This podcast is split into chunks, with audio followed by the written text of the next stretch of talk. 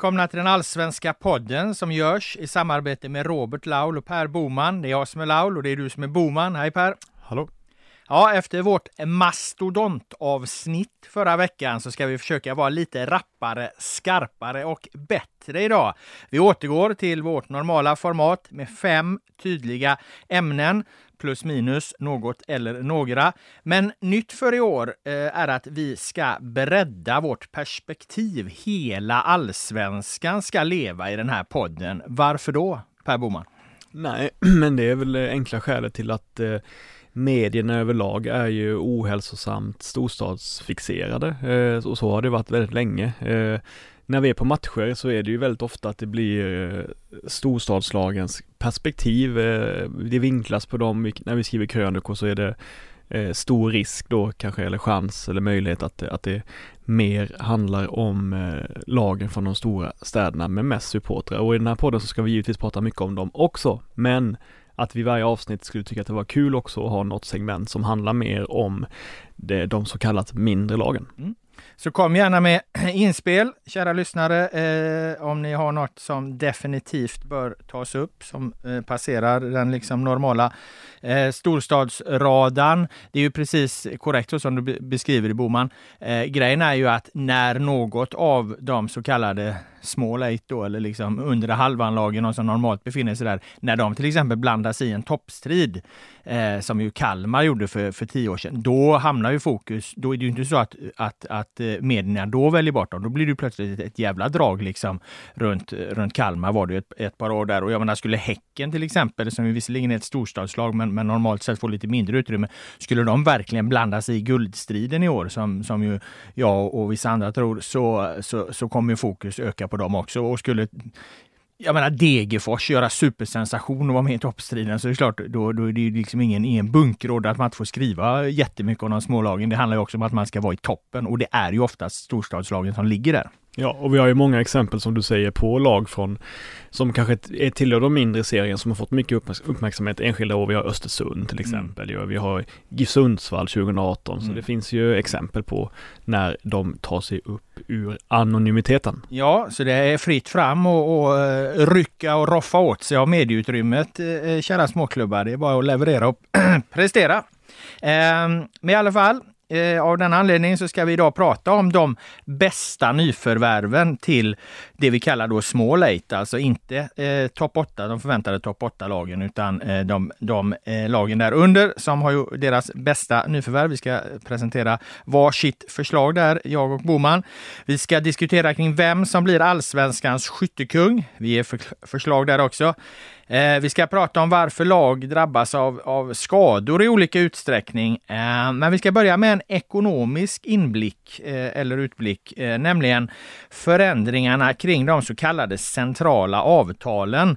Och de centrala avtalen, eh, det är ju alltså då de eh, klubbgemensamma avtalen som egentligen gäller både superettan och allsvenskan. Vi ska fokusera på allsvenskan här då. Eh, och där ingår ju framförallt tv-avtalet med eh, Discovery och eh, eh, bettingavtalet, alltså spelavtalet då med Unibet. Eh, och det ökade ju väldigt mycket eh, från år 2019 till 2020 och det var en bidragande orsak till att i princip alla klubbar klarade sin ekonomi eh, coronasäsongen 2020, de centrala avtalen i kombination med statliga stöd samt efterskänkta årskortsköp då bland annat. Men man kan säga så här att 20, 2019 så fick de allsvenska klubbarna cirka 200 miljoner sammantaget i tv och spelpengar via de här centrala avtalen.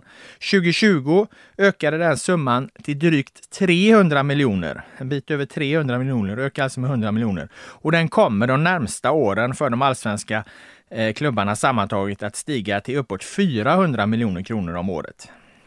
Och det här fördelas ju då till lagen enligt en nyckel eh, där lagens fem senaste tabellplaceringar räknas in. Och det är för att man ska få någon slags eh, översikt. Och där är ju Malmö FF då bäst. De har slutat etta, etta, trea, tvåa och 8 de senaste fem åren. Det är en oerhörd dominans egentligen. Eh, och då får de då 9,35 procent av den här kakan.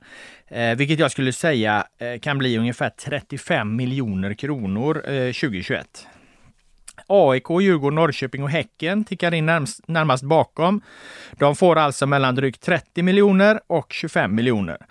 Och därefter kommer klubbarna liksom ramla in i en storleksordning på att de får ungefär 20 miljoner om året. Det skiljer inte så mycket mellan till exempel Hammarby och Sirius. Det handlar om ett par miljoner. Men för några klubbar är ju då säsongen 2021 extra viktig. Och det är till att börja med Häcken och Hammarby, för de hade väldigt dåliga placeringar 2016. 2016 är ju det året som försvinner i den här femårsnyckeln. Eh, och, och där slutade då alltså Häcken och Hammarby 10 respektive 11 och det har ju de haft som ett sänke här i, i alla år. Nu ersätts 2016 med 2021. Så gör Häcken Hammarby en bra placering eh, i år så lyfts ju de till en högre nyckelplacering. Särskilt gäller detta Häcken. Och då undrar jag Per Boman, vad, vad, tänker du kring Häcken och Hammarby? Ser du spår av det här eh, i deras satsningar inför säsongen? Att det här liksom gör dem ett, ett, bra resultat i år, så kommer det faktiskt på ett ganska märkbart sätt öka deras intäkter till nästa år. Ja men det är en bra fråga, jag tänkte på det och det är ju, jag menar det finns ju Spelar man unga spelare så har man ju ett incitament för att man ska kunna sälja dem sen, eller hur? Eh, men på något sätt så finns ju det naturligt att man vill vara, bra, vill vara så bra som möjligt och komma så högt som möjligt, att man kanske inte behöver trycka extra hårt på det. Men jag tror ju att eh, till exempel den sportsliga ledningen i, i, eh, i respektive klubb har eh, har full koll på det här, att de är mm. väldigt, väldigt noga med det. Men däremot så kan det ju vara svårt att för spelare och tränare att ha det som en liksom extern eh, motivation, lite på samma sätt som det är svårt för tränare och spelare att tänka på den här europeiska det är ju samma sak i europeiska kvalspelet eller mm. du vet så här beroende på hur vi har eh, i Sverige, våra klubbar har presterat de senaste fem åren så får vi enklare eller svårare väg till gruppspelen i Europa. Mm. Och eh, över sikt så är det jätteviktigt, men jag tror sällan att eh, att laget tänker på det när de själv ska spela. Nej, att det finns med som en faktor där. Nej, det gör det väl inte. Det är väl inbyggt där någonstans. Men det går ju, det går ju precis som du säger kanske att, att, att resonera lite kring ett truppbygge. Det här kanske är ett år då det är viktigare för, för Hammarby och Häcken att göra en hög placering än att ta fram en ung spelare exempelvis. Det är klart, det vill man ju alltid göra, men, men eh, eh, det här kanske är året då man värvar en färdig anfallare. Man värvar en Selmani för dyra pengar. Man värvar en Jeremejeff. Eh, det, det är liksom det mm. färdiga spelare. Det finns inte kanske inte så mycket. Nu hoppas ju Hammarby visserligen att de ska sälja eh, Selmani och få in de pengarna, men han är trots allt 24. Så att det är ju inget, inget given talangförsäljning på det sättet. Men, men eh, eh, förmodligen kommer det bidra till, till ett bra resultat i tabellen. Mm. Eh, värre är det då för AIK, eh, för att efter de senaste fem åren då slutat tvåa 2016, eh, tvåa 17, vann 18, fyra 19, så slutade de nia i fjol. Och, och, det blir omvänt där. Det där sänket kommer de ju då få, få leva med i den här kontexten eh, ända fram till eh, 2025. Och det innebär ju att Djurgården, om jag då räknat rätt på alla parametrar här, då, eh, kommer gå förbi AIK om Djurgården slutar före AIK 2021.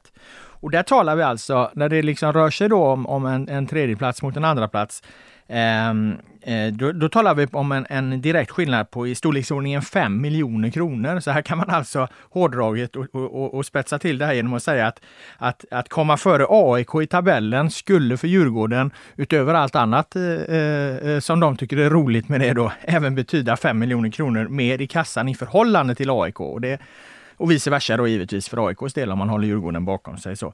Um, vad tänker du om den liksom lilla duellen mitt i allt? Jag tycker att just det är väldigt spännande. Och det ligger lite, hela den här då, duellen ligger lite i linje med den här stora rädslan som jag känner finns i AIK eh, just nu kring deras position i, i Stockholmsfotbollen. Eh, det finns en ängslighet mixat med nästan uppgivenhet känner jag att att Djurgården efter ett par års liksom strävsamt ekonomiskt arbete skaffat sig en bättre situation än AIK och att Hammarby också har det via sin, sin stora supporterbas och via sina allt, allt bättre sportsliga resultat. Att både Djurgården och Hammarby då ligger före AIK och det är inte heller så att kan man, man kan vifta bort och säga att det bara är en enskild säsong för kommer Djurgården före eh, AIK i år så är det tredje året på raken som Djurgården kommer före AIK i tabellen och det har vi ju inte sett på väldigt länge. Att Djurgården liksom över tid har en liksom ja, gör det bättre än AIK flera år i rad då. Och det är ju ett allvarligt slag mot AIKs självbild som Stockholms största klubb rent sportsligt. Mm. Ja, och det märker man väl eh, hos eh, AIK. Det har vi tagit upp många gånger att svansföringen är ju annorlunda. Eh, om den då beror på liksom att man medvetet vill förändra sig eller då som du är inne på Boman, ren skräck för att man, man riskerar att halka efter det här.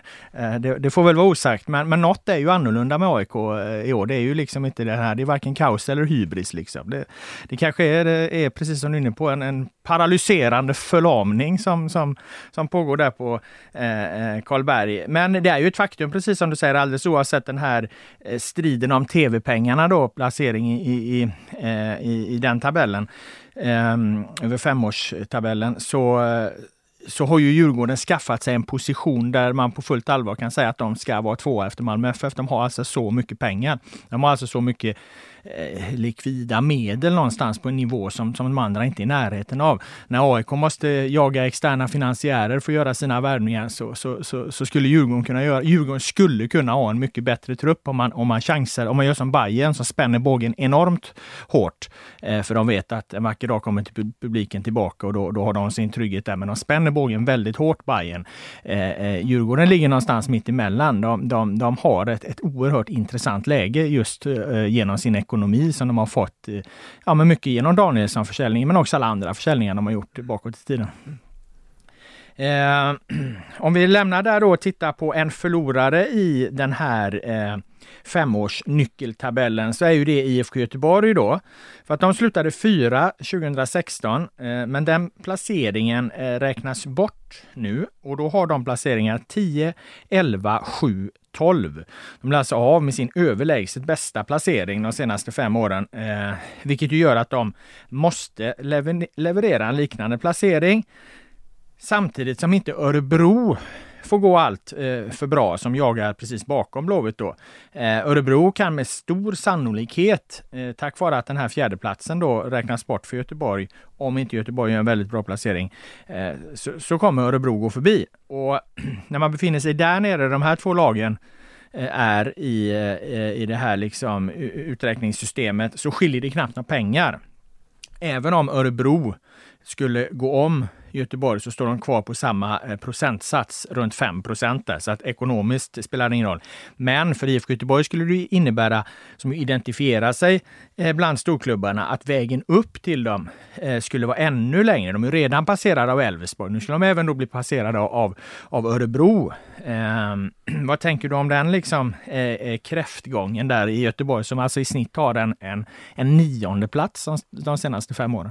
Ja, ja, det är ju liksom inte överraskande då, men det som jag tänker på det är väl att det, det var framförallt då typ 2017 som de verkligen också underpresterade grovt sett till att de fortfarande hade ganska bra trupp vid den tiden givet den placeringen de sen fick. Alltså det, det, det funderar jag mycket på att det var ju ganska grov eh, underprestation då även innan pojaåren som var, som ju är, är, ett stort problem nu då vad gäller den här tv-mässiga nyckeln liksom. Så att det tänker jag väl på att de hade en trupp som säkert var bra nog för att hota om Europa 2017 men som gör att de kommer, vad säger vi, 10 typ. Mm. Det var ju uselt.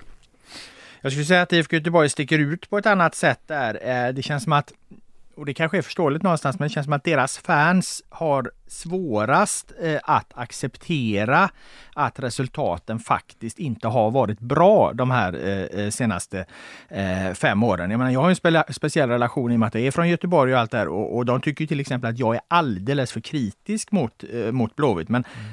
Alltså, tittar, man på, tittar man då i backspegeln på de här åren så har de ju slutat nia i, i, i, i, i snitt. Och mm om det är någon journalist som har varit positiv till det så skulle jag säga att det, det vore ju ett gigantiskt eh, eh, tjänstefel. Det har ju liksom med facit i hand varit rätt att vara kritisk mot Göteborg över, i, i, när man, man ser det här i perspektiv. Rätta mig om jag har fel Per? Nej, så är det ju givetvis. Sen så eh... Eh, eh, sen har de ju väl, har de väl liksom till slut så korresponderar väl ekonomin och resultaten liksom så att man, man kanske skulle varit extra kritisk som jag sa, ännu mer kritisk för, eh, för fyra år sedan mm. än man var för två år sedan. Mm.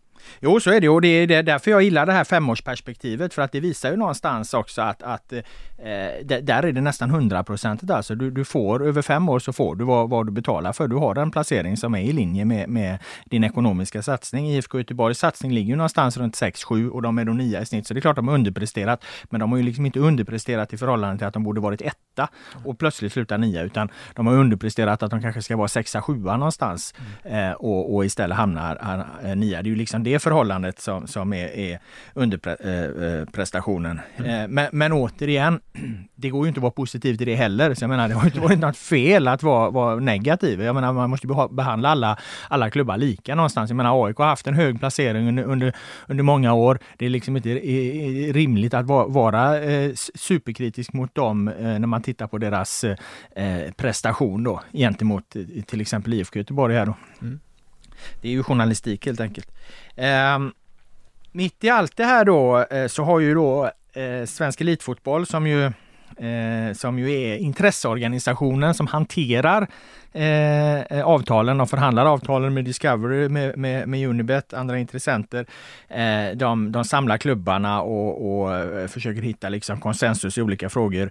Svensk Elitfotboll då. De har ju valt en ny ordförande mm. i Jens T Andersson. Det har väl gått lite under radarn. Det är väl inte den största nyheten kanske, men det var ju intressant eh, tillvägagångssätt för att Jens T Andersson med ett förflutet i bland annat AIK Eh, han var inte valberedningens förslag, utan han kom ju in som någon slags eh, eh, ehm, ja, med protestalternativ från vissa klubbar för att man tyckte att, att eh, processen inte hade gått riktigt rätt till när Ove Sjöblom då från, som har bakgrund i Sirius eh, var valberedningens kandidat och den som de flesta klubbar trodde skulle bli SEF-ordförande.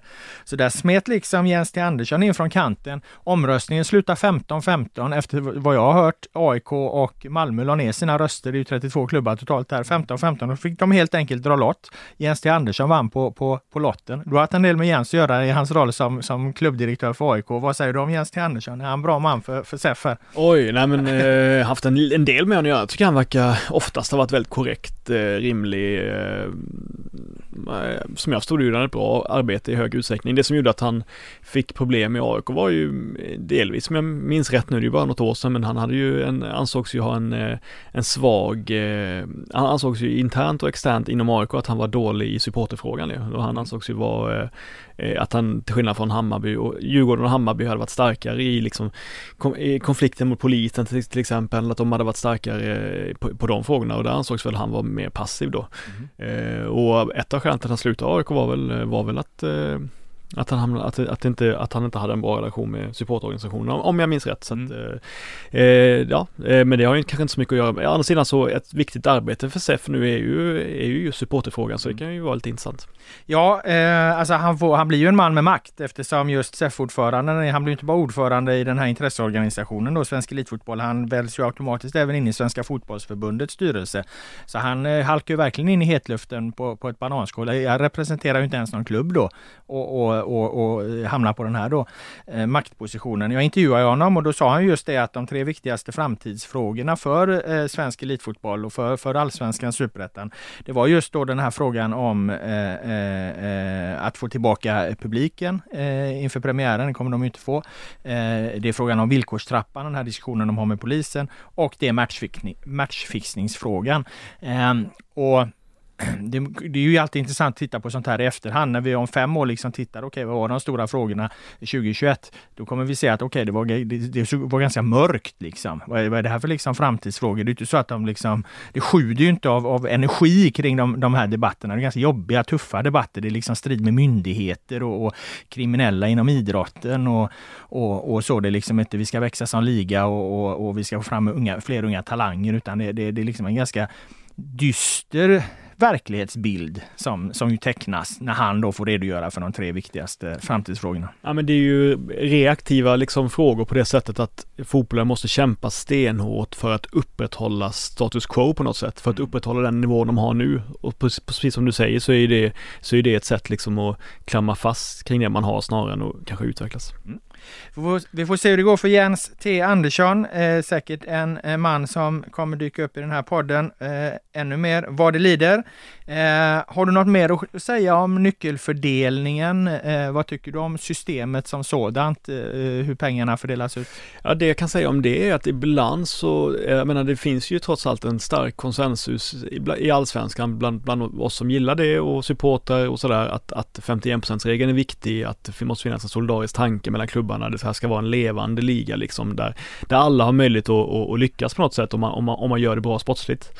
Men eh, däremot så kan jag känna ibland att man identifierar bland vissa storlagssupportrar en kanske större förståelse för att just tv-pengarna borde mer grunda sig i hur bra man presterar. Redan nu är det ju lite så att såklart då Malmö får mer pengar än de som är, är, gör sämre ifrån sig. Men ibland så uppfattar jag en liten, en, ingen stor strömning, men en liten, liten strömning som ändå kan tycka att vadå, det är ju vi som drar all publik, det, det, är, ju, det är ju vi som ser till så att tv-bolagen får in pengar, vi är många fler, det borde vara, vi borde få mer pengar i jämförelse med vad eh, Falkenberg eller, eller, eller Varberg får. Eh, och det är jag helt motståndare till. Jag menar, fick jag välja så hade jag hellre valt att alla fick exakt samma summa mm. än, att, än att det skulle bli en, en större skillnad än vad det är nu. Ja, ja, den här nyckeln som vi pratade om, den har ju kommit till just av den anledningen då, då för att hitta någon slags väg framåt där, att det är resultaten över tid som ska, ska styra. Då ges alla någonstans, någonstans eh, samma chans i alla fall att, att få tillgång till de här pengarna. Men eh, samtidigt har man ju det som också sker här nu i samband med att man tecknar det här nya avtalet med, med Discovery och Unibet som har gjort att, att kakan har blivit större, så har man ju ändrat eh, eh förhållandet gentemot hur mycket superettan får. Mm. Det har ju legat tror att jag har de exakta siffrorna ut här, men det har ju legat runt 75 procent tidigare. 75 procent har gått till, till, till allsvenskan, 25 procent har gått till superettan. Nu skruvar man lite på det här så att nu går, nu ska eh, från och med nästa år tror jag det är 76 procent går till allsvenskan och från och med ytterligare ett år 77 procent till allsvenskan. Så att, eh, eh, så att nu blir liksom fördelningen blir mindre jämlik här nu över tid eftersom kakan har ökat. Så att rent pengamässigt påverkar det kanske inte superettan. Får fortfarande mer, mer pengar, men i förhållande i den här uppdelningen mellan då den rika allsvenskan och den då i förhållandevis extremt fattiga superettan, så, så, så blir det ju en, en större eh, del av kakan till allsvenskan. Så att det borde du heller inte gilla då om du har det nej, perspektivet du har där. Nej, absolut, nej, men det tycker jag att alla som eh, gillar den här serien för att den sticker ut och är annorlunda mot de stora toppligorna i Europa, de får hålla koll även på detta mm. liksom. Så att för min del så skulle det, så jag menar det är ju trots allt så att de stora lagen har ofta större publikunderlag och ofta från större städer där de har möjlighet till bättre sponsorer och så vidare och så vidare. Så jag vet att det kommer folk säga, ja fast på mindre orter så finns det kommundopning och bla bla bla. Men eh, det, jag, jag, jag eh, tycker väl att, eh, att man verkligen ska akta sig för en för en eh, större inkomstspridning i de här frågorna. Ja, jag vet, och jag tror att, eller jag vet att Mats Enqvist, då, generalsekreteraren i, i SEF som har varit länge, han har ju sagt att det här har varit den svåraste frågan de någonsin haft att hantera då, så att de här strömningarna du talar om att, att, att mycket vill ha mer, den finns ju även runt de slutna, i de slutna diskussionsborden. Det är nog inte bara någon liksom liten elitistisk klick som driver den på sociala medier, utan den finns ju definitivt där. Tydligast exemplifierad av att ja, nu har ju man ju faktiskt ruckat på den här fördelningen. Den som har varit 75 procent i många år. Den blev plötsligt 76 och senare då 77 procent. Eh, så det är ju ett, eh, det är något att hålla koll på helt enkelt. Mm. Och, eh, för jag menar, det, det handlar ju inte bara om att, att eh, allsvenskan ska leva liksom, utan det är ju också kul när du har liksom eh, lagen som kommer underifrån eh, kan åstadkomma någonting. Och är, de för, är skillnaden för stor så kommer de åka ur eh, direkt. Och, men det är det ju inte, för jag menar, vi ser ju, det lever ju på det sättet. Titta på Mjällby, kom ju nykomling och blev femma. Varberg gick också ganska bra. Nu kommer Degerfors som vi har förväntningar på. Halmstad ser stabila ut. Jag menar, det, det, det är viktigt. Det intressanta är ju att alla pissar ju neråt på något sätt, för mm. Superettan vill ju inte ge ett öre till division 1. Så är det. Så, så att det, så att det, det... Där kan ju tala om en serie som inte har några pengar alls. Så att jag menar, det... för, fan får ju knappt bussbiljetten betald ju. Exakt, det finns ju redan en enorm klyfta. Ja. Klyftan är ju enorm just mellan, mellan division 1 och Superettan och det tycker, det tycker jag också är ett jättestort problem för svensk fotboll. Det löser vi inte här då. Därmed lämnar vi den ekonomiutblicken och eh, går över då till de bästa nyförvärven till Small 8 som jag kallar dem och vilka klubbar som in, inräknas där. Eh, det är då alltså Östersund, det är eh, Kalmar, det är Varberg, det är Halmstad, det är Örebro, det är Degerfors och det är Mjällby och det är Sirius. Det är de lagen eh, vi, eh, som har lite mindre ekonomi då än de som vi oftast fokuserar på. Och eh, vi börjar med Östersund där, eh, för att det är intressant med bästa nyförvärvet i Östersunds FK. Eh, de har inte gjort några spelarrekryteringar av den enkla anledningen att de har ett värvningsförbud. Däremot har de ju precis anställt en ny sportchef i då eh, Adil Kitzil som kommer Eh, Eh, till ÖFK eh, från jobbet som chefsscout i Helsingborg. Eh, och Helsingborg åkte ju ur allsvenskan i, fjol så där lyckades ju Kitzil inte så bra då. Han har tidigare varit i Dalkurd bland annat. 2017 då slog han även i bordet i en podd, Studio Allsvenskan.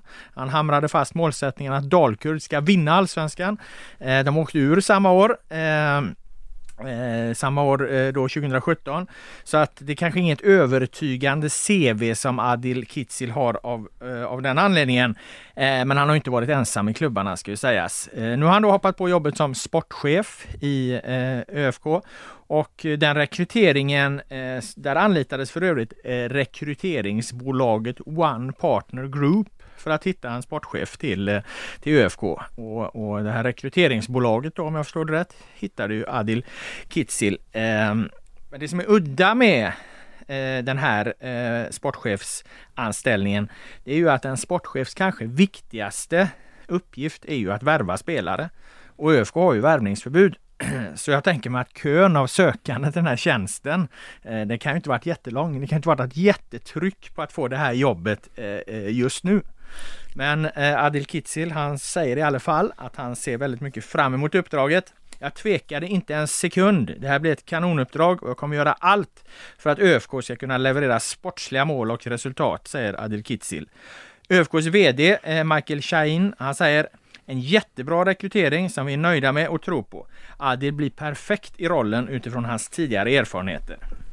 Eh, vi får väl se hur det går för Adil Kitzil eh, som sportchef eh, i ÖFK. Vi kan väl ha lite som mål att, att eh, återkomma eh, till hur hans roll utvecklas och hur det funkar eh, för honom. Jag menar det är ju svårt att misslyckas som sportchef när du inte ens får värva. Ja så är det. Sen ska man ju ge honom att han, som jag förstår det var det väl han som fixade van Hurk till HIF och Ceesay och de här som ändå såldes, som Ceesay såldes ju och så vidare. Så att jag menar, han, jag tror han gjorde nog ett ganska gott arbete ändå i HF.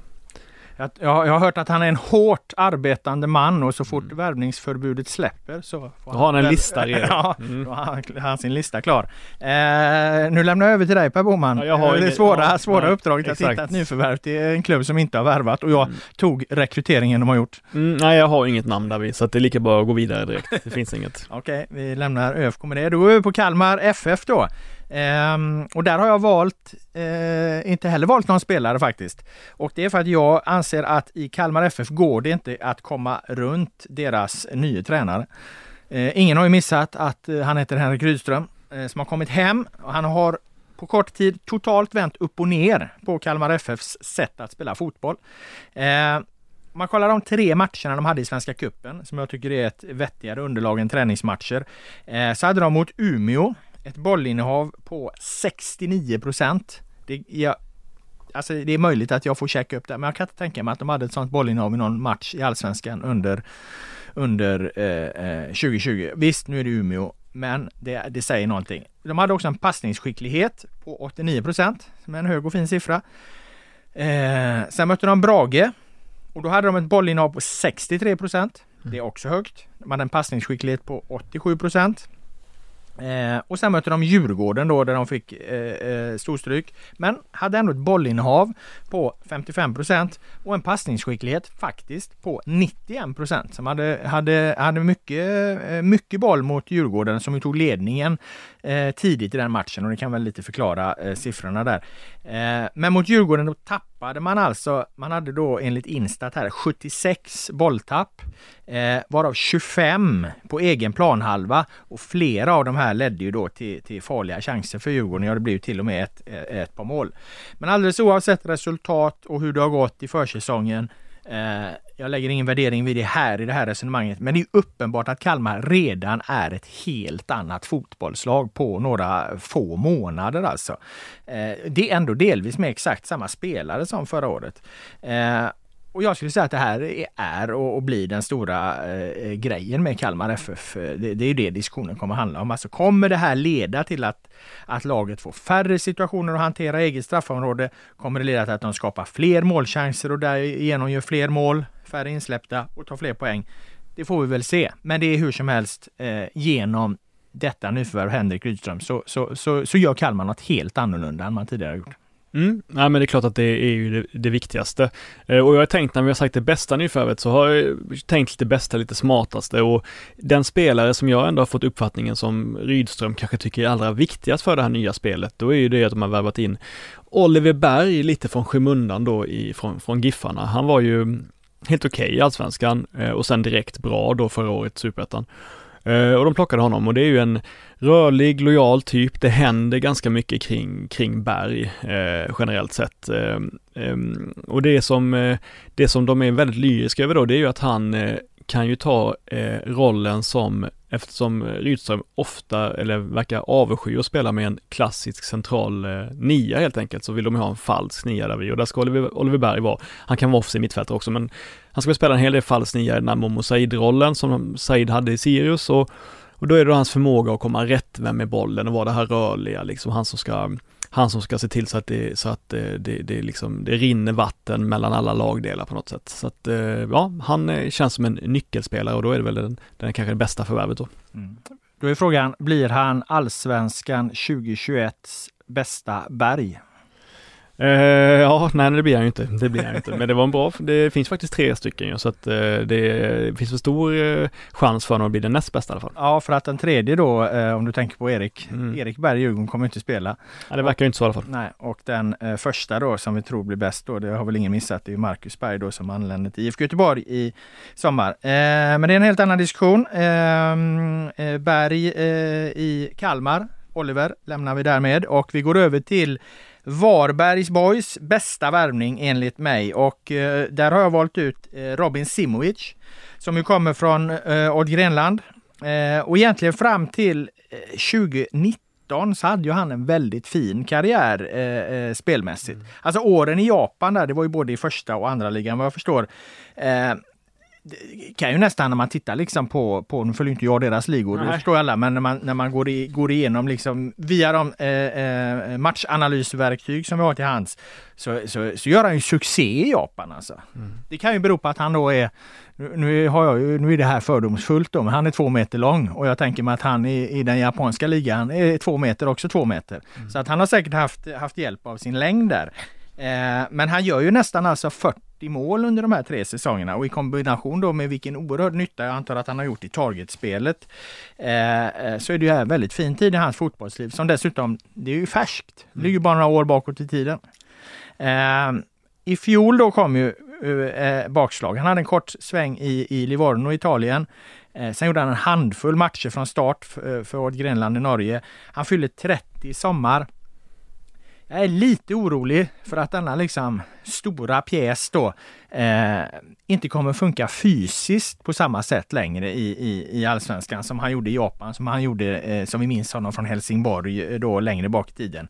Eh, I Norge, om man tittar på fjolåret, där vann han inte ens hälften av nickduellerna. Och är det något Robin Simovic kan man ju tycka ska göra, om de här siffrorna stämmer, vilket vi får förutsätta, så är det att vinna sina nickdueller. Eh, och, då, då, och det gör att jag känner en lite oro för, för hans fysik då. Eh, det är en oroväckande siffra för Varberg. Eh, men det är samtidigt är detta en straffspecialist som Varberg har fått in. Han har satt 10 av 11 straffar de senaste åren i sin karriär här.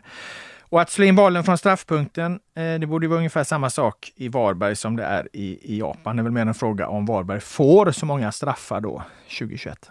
Nej exakt, men jag tänkte på Simovic, han är ju lite det här att han har varit, som vi sa förra veckan, att han har varit väldigt fin med fötterna för att vara så stor. Det kan ju vara så att han aldrig riktigt har utvecklat ett jättebra huvudspel, eh, trots sin storlek, lite Peter Crouch-grejen.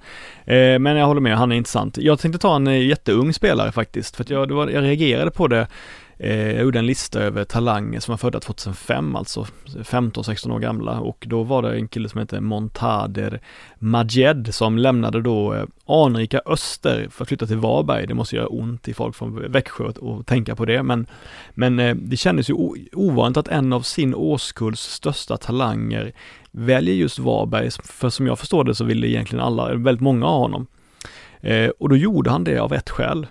Det var att Varberg eh, eh, garanterade väl att han skulle kunna få träna med A-laget, men också att det fanns ganska goda möjligheter att kanske få speltid redan nu då, trots att han bara är 15-16 och får spela lite därför att hoppa in eller sådär. Eh, och det tänkte jag i ljuset av att storklubbarna nu jobbar stenhårt då, eh, att alla är de, eh, utåt sett så finns det ju en ganska stark kritik mot det Hammarby har gjort då, men, men i klubbarna så är alla avundsjuka, alla storklubbar vill ju ha ett liknande, ett liknande alternativ då där man tar över en klubb som ligger i tvåan, ettan sådär eh, för att spela sina talanger. Men skulle inte då kanske då de så kallat mindre klubbarna, alltså de som kämpar för att hålla sig kvar, skulle kunna ha en USP där att man kan locka till sig ganska bra fina unga spelare som får mycket speltid i superettan och i allsvenskan och sen lämnar man när man är lite äldre helt enkelt. Det var bara någonting jag funderade på. Mm.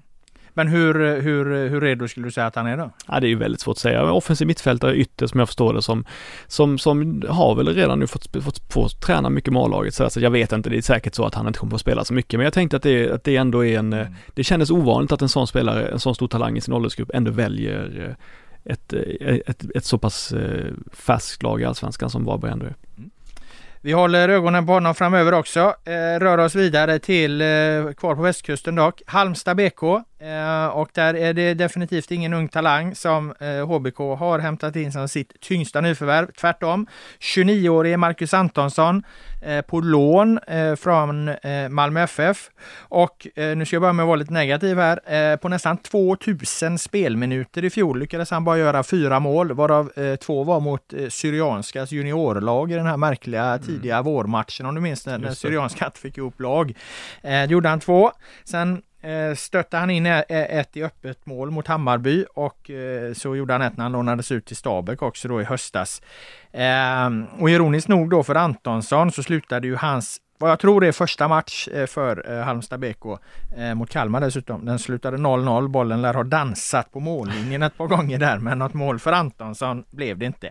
Men jag vägrar ge upp på Marcus Antonsson. Jag har jag har liksom de här minnesbilderna man, man har av hans liksom fina målprestationer, både i första tiden i Malmö FF, men även bak i, i, i Kalmar då. Eh, jag får inte bort dem. Jag, jag, jag, jag, tror fortfarande att det finns väldigt, väldigt mycket att få ut här.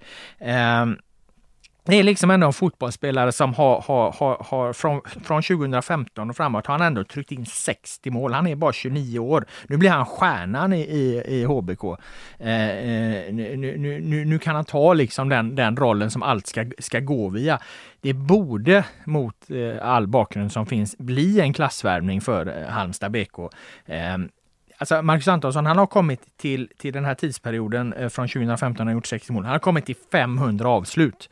Alla som har följt Malmö FF vet att han har bränt de flesta. Men det måste ju eh, lossna för honom någon gång. Och jag, lossnar det nu inte i år, då får han lägga skorna på hyllan. Ja, nej men jag, jag håller med dig av eh, ett viktigt skäl också det här. Det är att eh, han har fått spela ganska, visst han, var, han, fick, han fick spela anfallare så pass, han fick chansen där länge och så gick det inte riktigt i Malmö. Sen var han ytter ganska mycket under Jonas Tomasson och det är svår position i Malmö om man inte har den spelförståelsen och tekniken. Men kolla på HBK. HBK är som vi vet ett lag som inte kommer det kommer inte göra ont i dem om de blir tillbakapressade och får, får försvara, får ligga ganska lågt. De kan ju det också, även om de givetvis vill hålla bollen, men de kommer inte ha, de kommer inte ha majoriteten av bollinnehavet i matcherna eh, så ofta. Vilket gör att de kommer få kontra mycket. Vilket gör att en spelare som Marcus Antonsson kommer till sin rätt mycket mer, för han är ju en djupledsspelare som, får, som är mycket, mycket bättre när han får, får spela på det sättet. Så därför tror jag att han kommer göra minst sju mål, så jag håller med. Men min, min spelare är Amir Al-Amari då från eh, halv poängkung nästan i, i J Södra, gjorde väl säkert 16-17 poäng totalt. Eh, väldigt flexibel mittfältare som kan spela på väldigt många olika innermittfältspositioner, eller på mittfältspositioner, dels innermittfält och även ytterposition och sådär, men framförallt är det väl offensiv mittfältare eller tvåvägsmittfältare och jag, jag gillar att han är så bra på att hitta rätt ytor på planen, vända upp och sen slå en fin lyra bakom eh, motståndarnas backlinje. Och jag tänker att om det är någon spelare man vill slå de bollarna på så är det just Marcus Antonsson, så jag kan garantera att Al, eh, Amir Alamari kommer slå fram till minst fyra av Antonssons mål den här säsongen.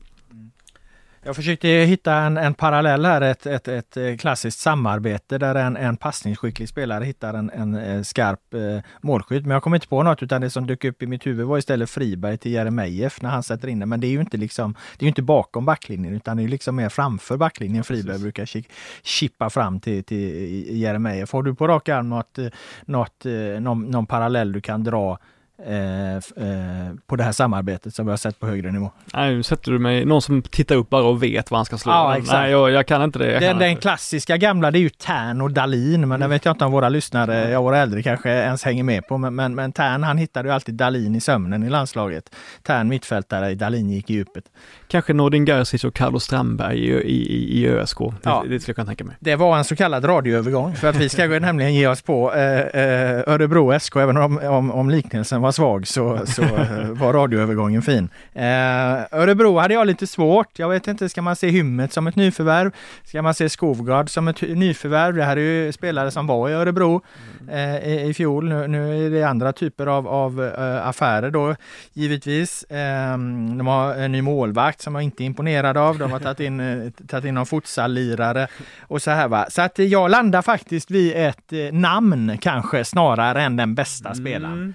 Eh, och namnet är ju Kevin Walker. Eh, det är ju en, eh, en spelare och en transfer då som folk hajar till på för man känner till Kevin Walker av många olika anledningar, inte minst för hans senaste tid i Djurgården då där det blir mindre spel mot slutet.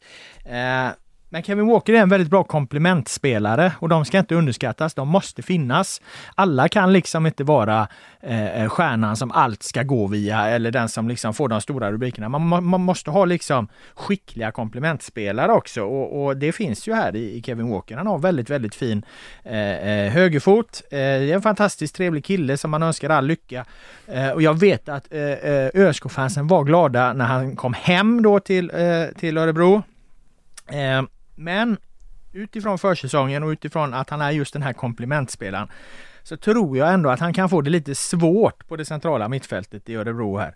Ehm, med Axel Kjell nu så spelar ju ÖSK med två centrala. Ehm, Walker har ju spelat både med Nordin Gerzic och, och Johan eh, Mårtensson.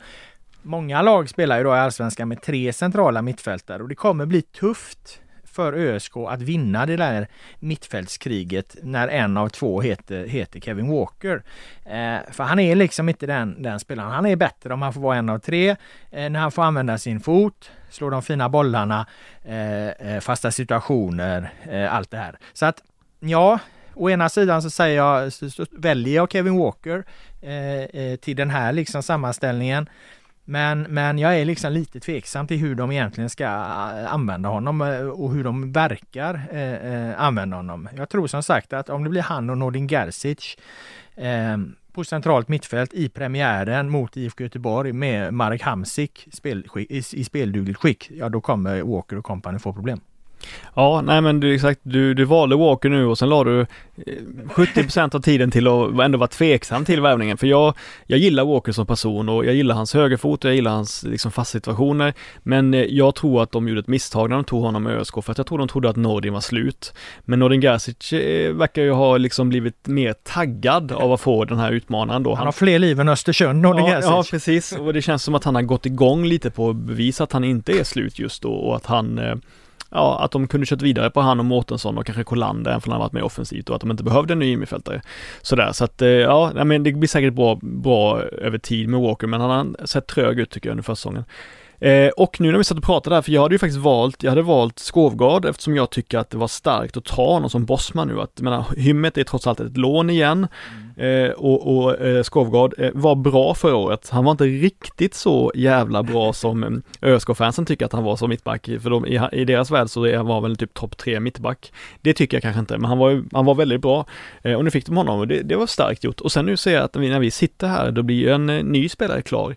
Och de har lån, lånat in Roman Gall igen. Ja, har de hämtat tillbaka honom? Ja, det har ju varit lite snack om det, för att han var ju faktiskt ganska bra när han kom, kom in där. Han gjorde, spelade, inte kunde spela så jävla mycket. Han kom väl skadad om jag inte minns, minns fel här va. Men, men faktiskt det han gjorde på planen eh, var inte illa. Så jag förstår att de vill ha honom. Det är logiskt att de vill ha honom igen. Ja men så är det ju och eh, Roman Gall var ju som alla vet sinnessjukt bra ett halvår, i, man ska inte säga så, han var väldigt, väldigt bra i ett halvår i, eh, i eh, Giffarna och fortsatte ju ösa in poäng i Malmö också, eh, trots att han fick så lite speltid. Och sen så har han ju försvunnit där liksom. Eh, men, men Robin Gall gillar jag och det tror jag att han kan, liksom, nu har de ju David Seger och sådär också och Kolander, men liksom Kolander och Gall är ju inga, inga dåliga offensiva mittfältstyper i, i det här laget. Och sen Hymmet också. Sen är det ju lite typiskt att ÖSK får låna in så mycket spelare att de inte lyckas få dem permanent, bortsett då från Skovgård. Så att Gall, Hymmet, men jag säger Skovgård för att det är en, rikt, en riktig värvning. Tack. Du pratade mer om, om Gall där. Men eh, jag vet att vi, våran allsvenska bibel kom ju här i, i ehm, i helgen mm. och mm. jag vet att jag avslutade mitt eh, stycke om Örebro där med att de brukar alltid göra en, en sen värvning och det gör de säkert i år också. Vi får se vad det blir. Mm. För de gjorde ju Strandberg här. Sen vad fan gjorde de i, i i fjol. Ja, det var ju sent. Hymmet kom ju i och för sig väldigt sent ur det mm. perspektivet. Men nu, det var ju också hela säsongen vart ju uppbackad i fjol. Mm. Men det fanns en känsla av att de skulle komma med en, med en sen bomb så att säga. Så att eh, Roman Gall där blir bra. Eh, det tror jag absolut. Eh, men du väljer Skovgård som sagt. Och sen så reagerade jag på en grej där som jag måste, måste haka fast vid. Du vill inte använda ordet eh, sinnessjuk. Nej, men, ja. ja, jag har gjort det för mycket. Framförallt så har jag ofta använt ordet schizofrent fel i olika sammanhang och då är det en man som ofta mejlar mig från eh, någon sån organisation som handlar om att man inte ska använda schizofren som synonymt för splittrad. Det anser han, anser han vara fel, så jag har fått mejl ett par gånger om det, så jag ska sluta säga det i, så. Ja, det är ju fel för att du använder ju eh, schizofren som om du menar personlighetsklyvning. Ja, jag Schizofren vet. är en helt annan ja. diagnos. Yes, då följer du upp och får jag kritik från dig också i ja, den frågan. Nej, men eh, då, då med ordet sinnessjuk så finns det en god anekdot som härrör sig från Stig Töftings tid i Häcken. Mm. Han hade varit i, i han hade varit på svensk mark i två veckor eller någonting. Jag tror Häcken hade Stefan Lundin som tränare. Lundin ville inte spela spela eh, Töfting i premiären borta mot Djurgården vill jag minnas att det var. Och eh, Stig Töfting efter matchen eh, ställde upp på intervjuer då och frågade hur han såg på att han hade blivit bänkad då när han då som stor stjärna kom till, kom till lilla Häcken och skulle lira, det många år sedan detta, och skulle lira fram och då sa han det sinnesu. Alltså att eh, mm. sinnessjukt, vilket, vilket eh, Expressen valde att dra över ett uppslag, det är sinnessjukt. Det blir ju stenhårt. Mm. Det är ju en stenhård kritik på svenska. Men, men eh, eh, på, på, på den tiden så jobbade David Tannensaf eh, eh, som reporter hos oss. Så jag och David Tannensaf var utsända och, och Tannensaf kommer ju nerifrån, nerifrån eh, Skåne. Skåne någonstans va. Och, och uh, har bättre koll på danskan. Och han sa att det, det betyder, när vi satt och diskuterade hur vi skulle använda det här ordet, så här, det betyder inte samma sak på danska. Det är inte lika hårt. Det är liksom inte, använd inte det liksom, för det han menar inte. Han menar inte att det är sinne sinnessjukt liksom. Så att vi, vi avvakt, vi körde inte liksom. Vi gick inte på det liksom.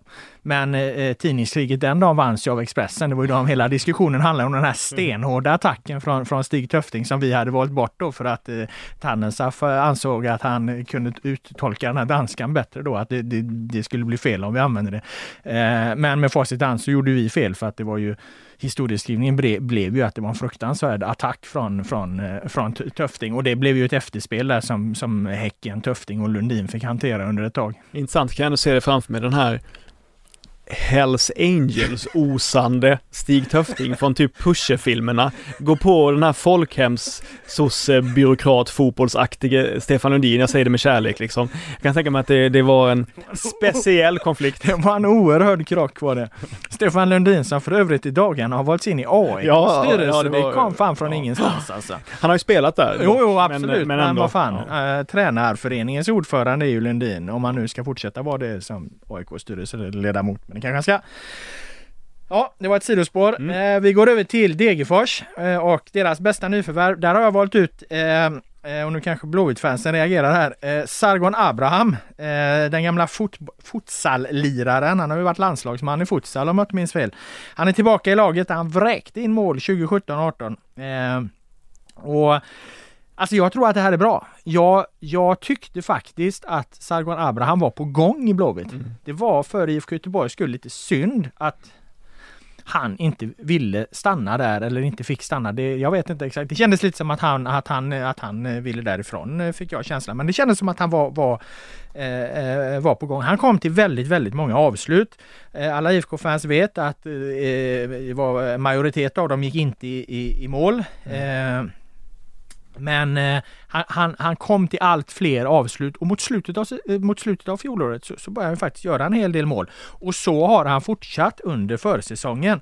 Han har tryckt in mål i Svenska cupen mot Elfsborg, mot Utsikten, mot eh, eh, Västerås och det har varit rejäla, ordentliga avslut. Han har kommit i fart, tryckt dit bollen med kraft. Så att jag vill varna för Sargon Abraham och han kommer göra sina eh, poäng i den här miljön, särskilt, särskilt så som de är balanserade och att han har Edvardsen, Viktor Edvardsen bredvid sig och, och eh, Johan Bertilsson som ligger där och fiskar och så. Så att eh, eh han kommer göra sina poäng för Degerfors, jag är övertygad om det. Ja, jag håller med och jag har två saker att säga om Degerfors. Mm. Ett, jag tar tillbaka allt jag sa om Johan Bertilsson förra veckan, för jag sa så här, han har trots allt eh, Visst, han öste in, öste in poäng i Superettan förra året, men, men eh, det, han har varit svag sista tiden i Allsvenskan. Men när jag såg hans assist som han slog till Edvardsen var det var mot, eh, mot Häcken, då tar jag tillbaka allt. Fy fan, jag trodde liksom, jag trodde Betsson ändå inte hade det i sig. I min minnesbild är han mycket mer av en liksom en bra avslutare, en ren målskytt liksom och sådär. Men när han kan droppa ner i plan och lägga den genomskären, då backar jag. Han kommer bli kung i Degerfors. Så, eh, och, och mina favoritnyförvärv, det är faktiskt två reserver. För jag tycker att det är intressant av Degerfors att de, eh, jag menar Anton Kralj och Tamimi förmodligen, de är reserver på wingback-positionerna, antar jag att de blir. Eh, och jag vet att Tamimi inte har börjat så bra och sådär och Kralj har varit mycket skadad och så. Men jag känner bara att det är, att det är just starkt av en, eh, en nykomling i Allsvenskan att kunna ta in två stycken så relativt meriterade, billiga spelare, men meriterade spelare och ha dem på bänken liksom. Och kunna ha den breda truppen. Det kändes bara ja, bra gjort helt enkelt. Mm. Det är faktiskt en eh, intressant eh, eh nyförvärvsspaning måste jag säga som som kanske inte är så jättekittlande eh, och rubrikvänlig men den betyder nog väldigt mycket precis som du säger. För att eh, alla, alla alla lag kommer ju behöva breda trupper, särskilt när eh, allsvenskan eh, är lite tajtare än vanligt, för det kommer den ju vara i, i, i år också. Liksom. Delvis på grund av, av corona är det ju framflyttat med, med två veckor och sen har du ett EM-uppehåll på det. Så att sammantaget så, så gör ju det att, att det kommer bli ett tajt spelschema och det är det ju i princip alltid. Så att man behöver ju sina trupper helt enkelt. Och, och de här spelarna eh, må vara reserver, men de kommer ju att användas och då måste du ha bra... Ska du göra bra resultat så, så, så, så måste du ha en bred trupp. Det, det är ju ingen det är ju ingen som inte vet det så att säga. Så jag lyfter på hatten för den spaningen och går över till eh, Mjällby. Som ju Ja, alltså för att eh, vara ett lag på där liksom Mjällby befinner sig i näringskedjan. Nu vart de visserligen femma i, i fjol, men, men i en lite dopad och annorlunda tabell där. Men, eh, men eh, som nykomling. Men att, att, att de har ju alltså värvat Enok Kofi Adu och det här, här är ju en fotbollsspelare eh, som lirade i Champions League för Malmö FF för fem år sedan. Och inte bara det. Han gjorde ju det otroligt bra. Mm. Eh, man glömmer det lite eftersom karriären har dippat. Han var ju guld när han gick vidare till AIK. Han var utomlands och karriären har ju definitivt dippat. Men han det var ju alltså en fotbollsspelare som... Han är lite den här Teddy Lukic typen du vet. Som, mm. han, han är precis, han är liksom han sticker inte ut oavsett vad han är, om det är division 3 eller allsvenskan eller Premier League eller landslaget eller VM-kvartsfinal eller vad fan det nu är.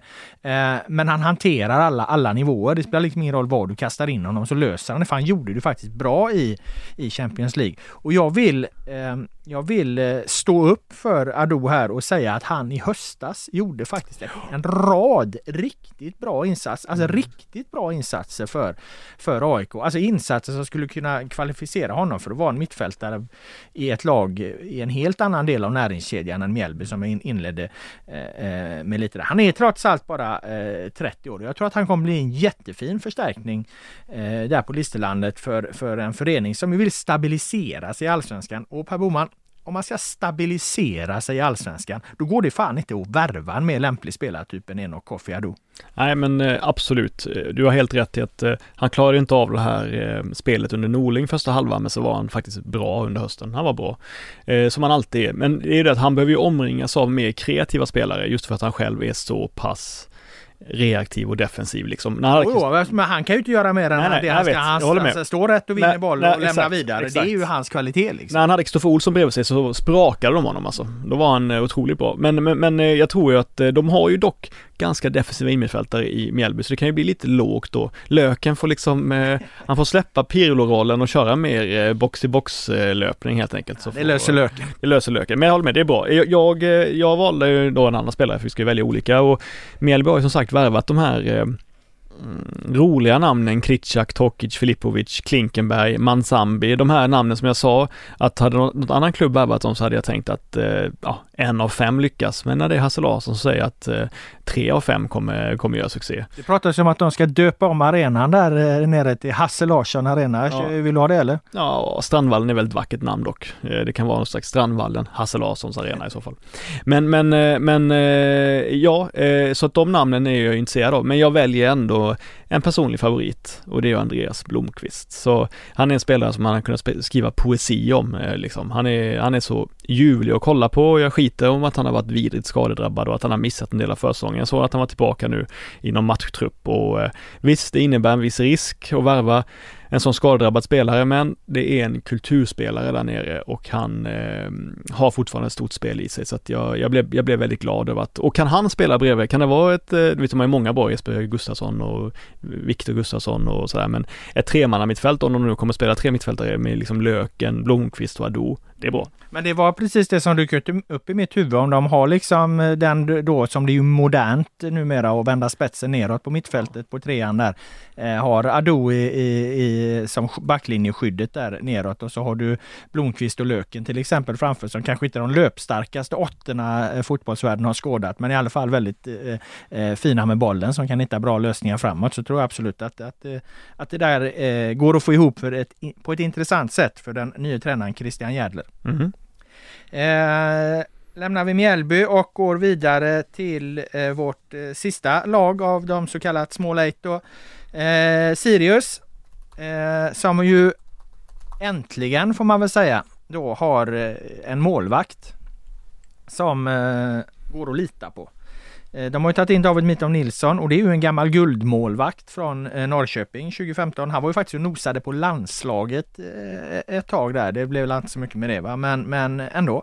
Eh, sen har det varit lite rörigt i hans karriär. Han hade en sväng i Sundsvall och, och, och så var han ju i Norge nu senast med Micke Stare i eh, Sarpsborg och där har han varit bra. Det har funkat bra. Han har stått där, varit stabil. Eh, hamnar nu då till, tillbaka i Sverige, Uppsala Sirius, eh, för att, eh, ja, jag vet inte om det var kärleken som tog honom dit, eh, hörde jag eh, någon fågel kvittra lite grann om. Eh, eller i alla fall att jag hade en familje, eh, familjeskäl och att han eh, lämnade Sarpsborg, för det var liksom inte så att det gick dåligt för honom, utan han spelade ju här i, i höstas och gjorde det bra som sagt. Så att eh, eh, nu är han i Sirius.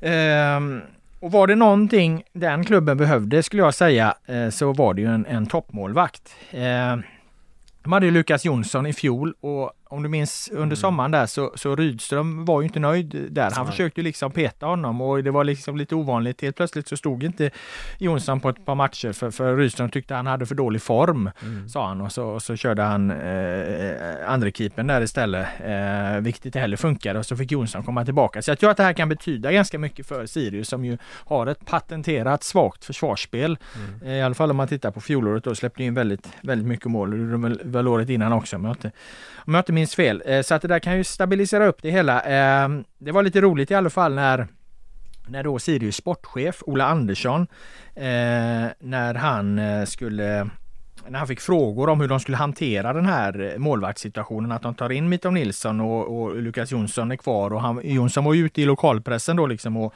och gnydde över att han inte var, var, var önskad längre och då sa ju Ola Andersson att citat vi har gjort en investering i nutid i David Mittam Nilsson och en i framtiden i form av Hannes Sveijer.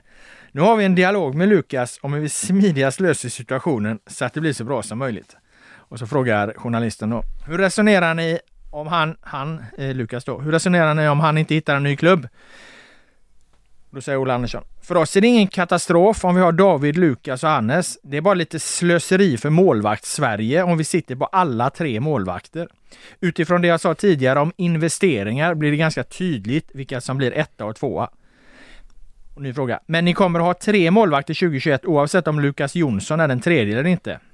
Ola Andersson det är vårt arbetsscenario.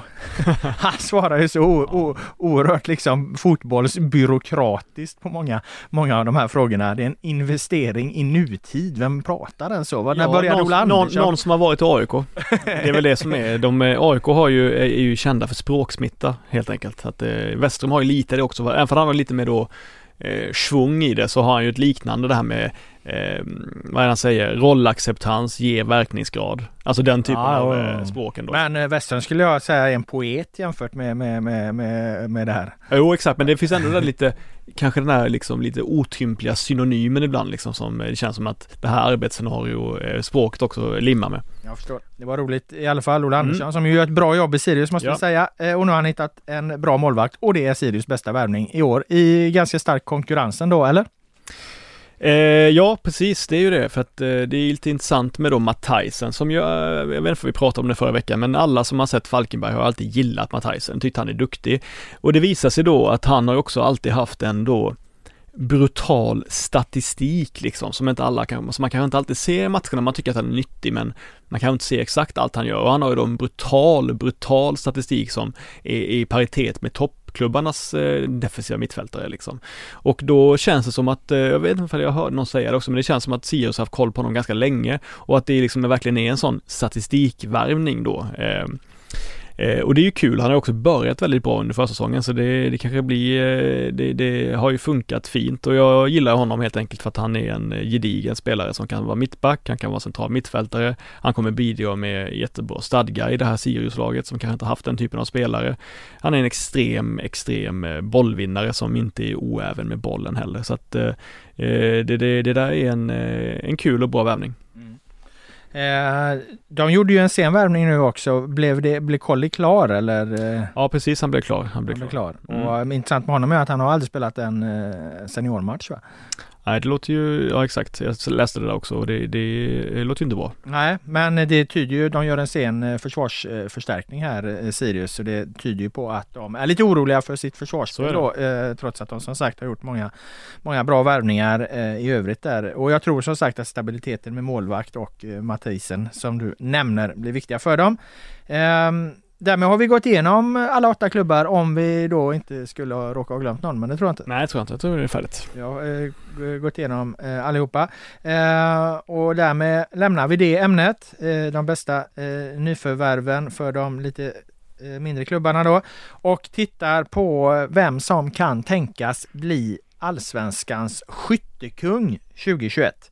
Eh, vi har kommit överens om att vi ska ta ut varsitt förslag och eh, varsin bubblare. Och eftersom jag började på alla eh, värvningar till småklubbarna här så kanske du ska då börja med att ge ditt förslag på vem som blir skyttekung 2021.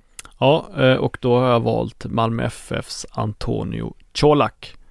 Eh, och han, av enkla skälet att förra året så hade de en, en spelande anfallare Isak Kistelin som kunde allt och kunde göra mål. Eh, jag är inte säker på att Malmö behöver det egentligen. De är så dominanta i spelet ändå. De har så starkt lag, eh, defensivt, offensivt. Eh, de har så trygg i sin, trygga i sin spelidé. Och nu har de fått in en, en sån här kille som bara är besatt av att vara bra i straffområdet och bra på att göra mål. Utan det är, det är en kille som är mål på alla olika sätt. Eh, det är hans enda uppgift Eh, han ska inte vara så bra i targetspelet, även för han klarar av det också. Han ska inte vara så bra i länkspelet, även för han klarar av det också. Han ska vara den som trycker in bollen i mål och eh, det finns inget annat lag där man har bättre förutsättningar eh, än i Malmö för att vara den spelaren.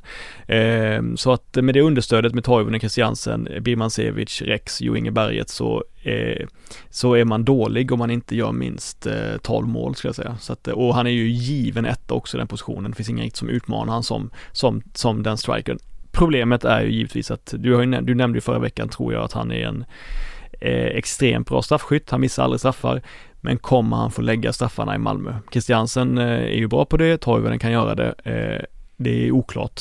Får han lägga straffarna, då vinner han skytteligan. Mm. Eh, han eh, började ju med, om vi börjar med straffarna, och tog en straff mot eh, IFK Göteborg där. Mm, Bombsäker.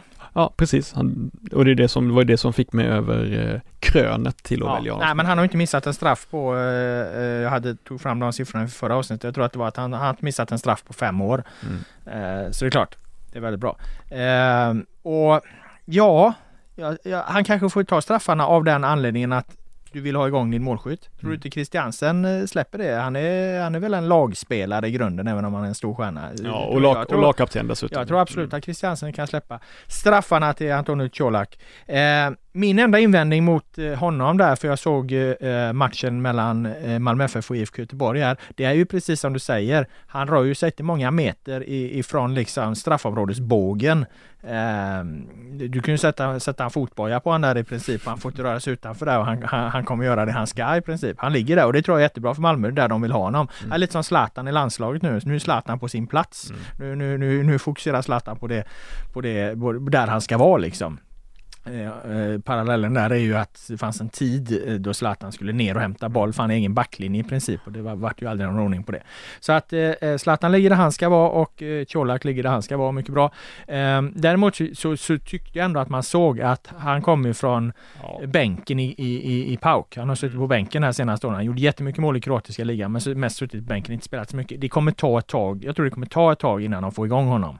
Nu, nu gjorde han ju det här straffmålet. Vi får se hur, vad, vad det ger honom i form av, av att boosta självförtroendet. Som han verkar vara en person som kanske inte är, är, är, är jätteberoende av det ändå. Men, men det känns ändå som att han, han eh, Rycker du, rycker du inte från eh, Sebastian Eriksson enklare än han gjorde vid något tillfälle, då, då, har du, då har du lite träning kvar att göra så att säga. Han kommer göra det, det är jag inte orolig för. Men de här målen kanske snarare kommer efter, efter eh, EM-uppehållet än innan EM-uppehållet. Det är väl min invändning emot det. Annars tycker jag det är ett bra förslag på eh, skyttekung. Mm. Och, eh, ja, men jag ska syna det med mitt förslag här då och bygger lite på, eh, vilket jag egentligen inte brukar, jag får rucka mina principer här, men jag har sett lite träningsmatcher som jag normalt inte gör, men, men det är bra när man är på gymmet, står på crosstrainern, ska man slå ihjäl, slå ihjäl en, en rejäl eh, kaloriförbränning där genom att se en träningsmatch eller två.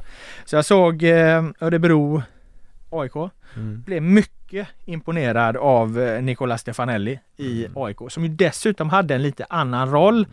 än vad vi hade förväntat oss, men en roll som vi hade blivit lite förvarnade om för att AIKs sportchef Henrik Jurelius pratade ju om att, att Stefanelli kunde användas som någon slags offensiv mittfältare, mm. en tia helt enkelt. Vilket vi reagerade på då, för vi såg ju oss eh, framför oss den här liksom hungriga djupledshuggaren som ligger liksom och nosar mellan en offsidefälla eh, eller inte. Eh, men mot Örebro så var han precis överallt alltså. Och han var väldigt ren och fin i allt han gjorde. Det var liksom, eh, han dök upp på kanten, han hämtade boll, han var, han var liksom, kom till avslut, bra avslut och han var så jävla klinisk i allt liksom. Passningarna i, i rörelsen, mottagningen, avsluten. Han ser verkligen ut att vara var på topp nu. Han kommer gå in i allsvenskan eh, formtoppad eh, till max, är, är, min känsla utifrån den här matchen. Då. Hoppas jag inte blir alltför lurad av den. Eh, vilket jag tror att han kommer kunna börja leverera direkt och han kommer inte bara eh, eh, leverera mål, han kommer leverera assist också tror jag. Och eh, så att eh, poängkung i alla fall. Vinner inte Nicolas, så här kan jag säga, vinner Nicolas Stefanelli inte skytteligan så vinner han poängligan. Ja men det är, det är vågat, eh, jag håller med dig om analysen, men det, det är vågat av ett skäl eh, att välja en AIK-spelare. Det är att AIK aldrig aldrig har skyttekungar. Det är väl senast 50-60-talet man hade det tror jag, eller något sånt där. Jag kan ha fel men jag tror ja, Därför jag la till att han skulle vinna poängligan. Precis, precis. Eh, sen har vi varsin bubblare då också. Jajamän, eh, och då har jag valt eh, Alexander Jeremejeff och bubblan ska ju vara den här som är lite oväntad. Då kanske folk tycker, ja men det där är ju en stjärnvärvning. Han har gått till Häcken, de eh, utmanar om guld och han ska vara deras självklara målskytt. Det är väl ingen bubblare, men då säger jag att det är det på det viset att Jeremejeff aldrig har gjort mer än 10 mål i Allsvenskan en enskild säsong. Eh, kanske överraskar vissa. Han är väldigt nyttig, alltid, alltid varit väldigt nyttig i spelet gör han och gör en del assist också. Men aldrig riktigt öst in mål på det sättet. Och Andreas Alm har ju utmanat honom lite som han gör då eh, rent medialt då under försäsongen och sagt sådär, ja, helt ärligt så har vi, kommer vi ju bättre förra året utan Jeremejeff än vad vi har kommit med Jeremejeff något år då i tabellen. Så att han får nog skärpa till sig lite också och höja sig och visa att han ska vara det. Det är ju lite övertydlig psykologi givetvis, men, eh, men, eh, men jag tror ju att, att Jeremejeff kanske måste bevisa då att han kanske kan komma upp i, i 15 mål. Och det känns också bra att välja en Häckenspelare för Häcken Häcken eh, har ju en bevisad förmåga av att producera skyttekungar. Eh, min bubblare är eh, nog ändå en bubblare i ordets rätta bemärkelse. Eh, för att han spelar i, ett, eh, i en nykomling. Han spelar i Degerfors. Eh, han heter varken eh, Sargon Abraham eller Johan Bertilsson som vi har eh, nämnt tidigare, utan det är då Viktor Edvardsen bygger jag också lite på en träningsmatch som jag såg på när jag stod på crosstrainen här. För jag spanade nämligen in eh, Degerfors, Häcken Degerfors i eh, eh efterhand. Var, var det ju ett extremt eh, Eh, B-lag på många sätt som Häcken ställde upp med där. Det var många, mycket frånvaro och många spelare som vilades, bland annat Jeremejeff som du nämnde vilades. Men, eh, men Degerfors upplevde jag ändå kom till, till spel med, med eh, eh en rad av, av sina eh, så kallade stjärnor. Eh, och Edvardsen är ju verkligen klass. Det, det, måste, det måste slås fast. Eh, han, han gör rätt mål, men han har ju också ett avslut som tar i, i underkanten mm. av, av ribban när han kommer lite bakifrån och, och, och eh, drämmer dit den. Eh, jag, tror, jag tror ju att Degerfors kan bli någon form av vår sensation här. Alltså, de har ett sånt jäkla fint spel. Jag är, jag, jag, jag är inte lättskärmad på den punkten. Och jag tror inte nödvändigtvis att det håller hela vägen. Men, men de är inne i ett flow som kommer synas här under våren och jag tror att, att Edvardsen eh, kommer vara liksom symbolen för, för, för det här eh, flowet. Liksom. Han, han, han har alla möjligheter att med den här offensiva balansen, de offensiva krafterna, den farten de har i spelet, att, att, att, att vara, vara den som trycker in en rad mål, särskilt under våren. Sen, eh, jag menar även, även liksom de lite sämre lagen då gör ju mål. Så att hotet mot, eh, mot, eh, mot eh, att, att Edvardsen ska vinna skytteligan. Är väl snarare om han säljs till sommaren. Eh, sportchef Werner där har ju redan visat sig stenhård i förhandlingarna. Så, så, att när AIK kom med det där så kallade skambudet då och Edvardsen och hans agententourage var, var, var, var ute och, och, och vinglade i medierna så, så stod ju Werner fast och sa att det accepterar vi inte. Därmed har han ju tryckt upp eh, priset så att ska någon ha Edvardsen så, så får de betala och göra en x antal mål här nu som jag tror under våren. Då är det nog alls inte omöjligt att något lag, alltså inte från Sverige tänker jag då i första hand utan, utan eh, utomlands utomlands då lägger upp de pengar som Werner vill ha och då säljer man då. Mm. Det tror jag, för att Edvardsen har ju visat att han han vill därifrån och, och få, få Werner bara sina pengar som eh, är försvarbart för, för den kvalitet som han faktiskt har då. Då kan det absolut bli affär och då vinner han ingen skytteliga. Nej, Eh, jag ska bara så kort om Edvardsen så eh, jag hade länge, länge, jag hade en, under en tid svårt att acceptera att han var så bra som han var just eftersom han rent estetiskt ser ut som en dominant division 3-spelare liksom. Han har den här otympliga kroppen, den här storleken och, men ändå är han så snabb liksom och då tänker jag det borde funka i superettan men det borde inte funka mot allsvensk motstånd tänkte jag, att, att han, då kommer han avslöjas, då kommer han se trög ut.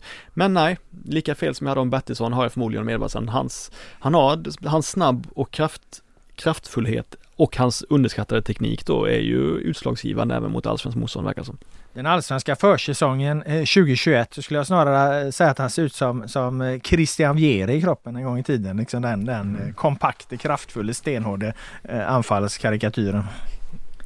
Ehm, då har vi klarat av både eh, skyttekungsförslag och eh, bubblare.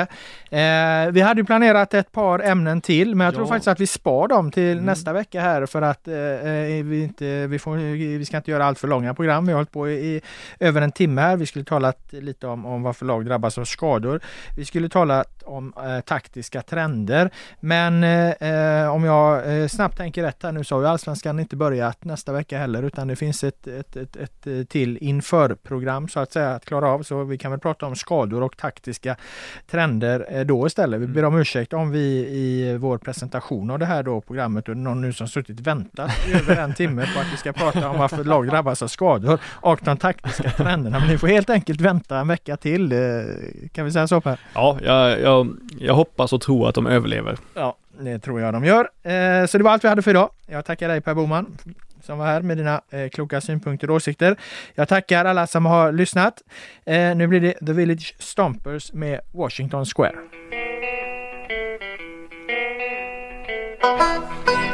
Jag vet inte, jag tänkte säga